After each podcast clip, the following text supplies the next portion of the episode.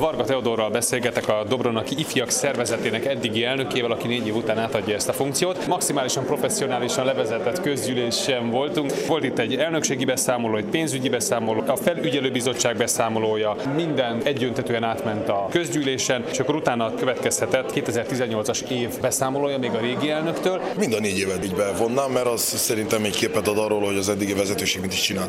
A Dobronak ifjak szervezete, mint már többször mondtam, ugye Dobronak dísze. Akárhogyan, nem csak a rövidítése ez, hanem igaz, már egy díszé váltunk, hiszen úgy, hogy a fiatalok, ahogy nálunk közreműködnek, egyedülálló szervezet itt Muravidéken, mivel mi nem vagyunk támogatottak se az országtól, se a községtől fix finanszírozásból, hanem minden pénzügyet, amit összeszedünk, azt ugye mind pályázatokból szedjük össze.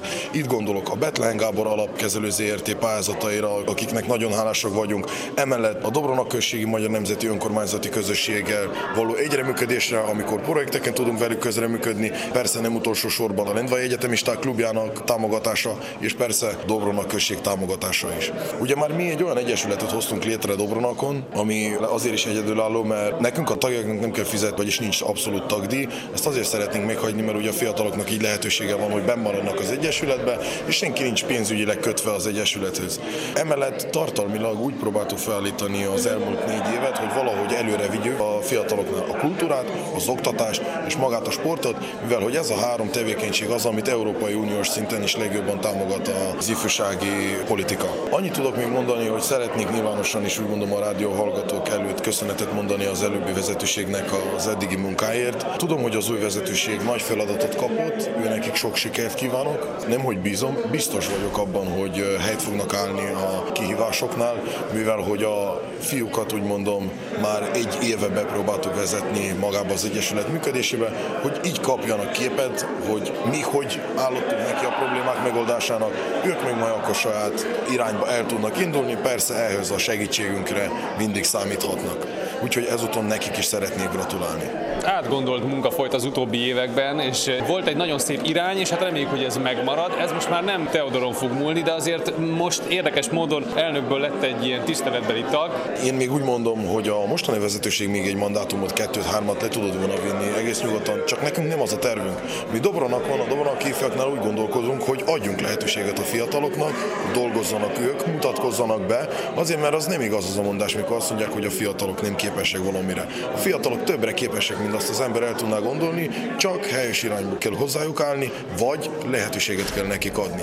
Most tiszteletbeli taggá nyilvánítottak, persze itt maradok az Egyesületben, még tartalmilag a projekteken fizikailag segíteni fogok, egész biztos, csak hogy a háttereket, meg az ötleteket gyűjtsék össze a fiatalabbak, dolgozzanak, és így tudunk akkor úgy mondom, egy, hogyha minden négy évben cserélődik az elnökség, így tudunk egy olyan transzparens egyesületet felállítani, ami hosszú távon is működni tud, nem csak egy négy éves vagy egy nyolc éves mandátum. És ráadásul az együttműködési Dobronakon a többi említett szervezettel tényleg példás, ez talán egy garanciája a jó működésnek, és az is, hogy itt a végén díjakat tudtatok átadni azoknak a tagoknak, akik különösen aktívak voltak, ebből jó pár volt, ez is megint azt mutatja, hogy van spiritus ebben a társaságban. Mennyien vannak a Dobronak ifjak most összesen, tehát megvan-e a kritikus tömegük? Remélem, hogy az idén át tudjuk lépni ezt a mágikus százas számot.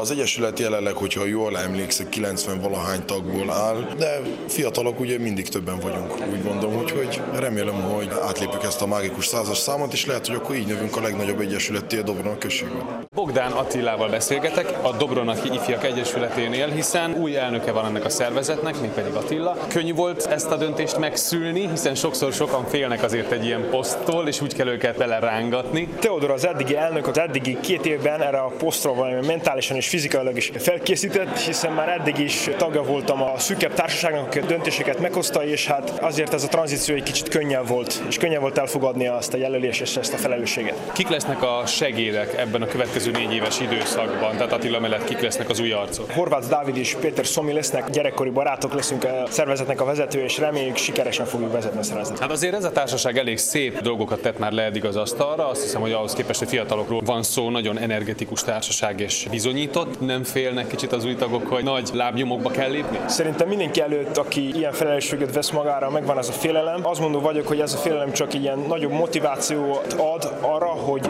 nagyobbakat és jobbakat álmodjunk a következőben. Tehát a motiváció megvan, 2.19-ről már beszéltünk itt, tehát megvannak a konkrét tervek. Hát a csúcspont, mint minden éven a foci torna lesz, július 13-án, de megmaradnak ezek az úgynevezett irodalmi, történelmi estek, és az idén még egy gasztronóm est is lesz. Továbbra a bográsfesteken fogunk részt venni, és sportnapot fogunk szervezni. Sok sikert a munkához, és gondolom odafigyelnek továbbra is a Dobronaki Magyar Önkormányzattal, a Dobronaki Községgel és egyéb szervezetekkel, hogy az együttműködés jó maradjon. Igen, nagyon igyekszünk arra, hogy ezekkel a nevezett szervezetekkel együttműködjünk, és hogy együtt próbáljunk arra törekedni, hogy a Dobronaki magyarság kiemelkedjen.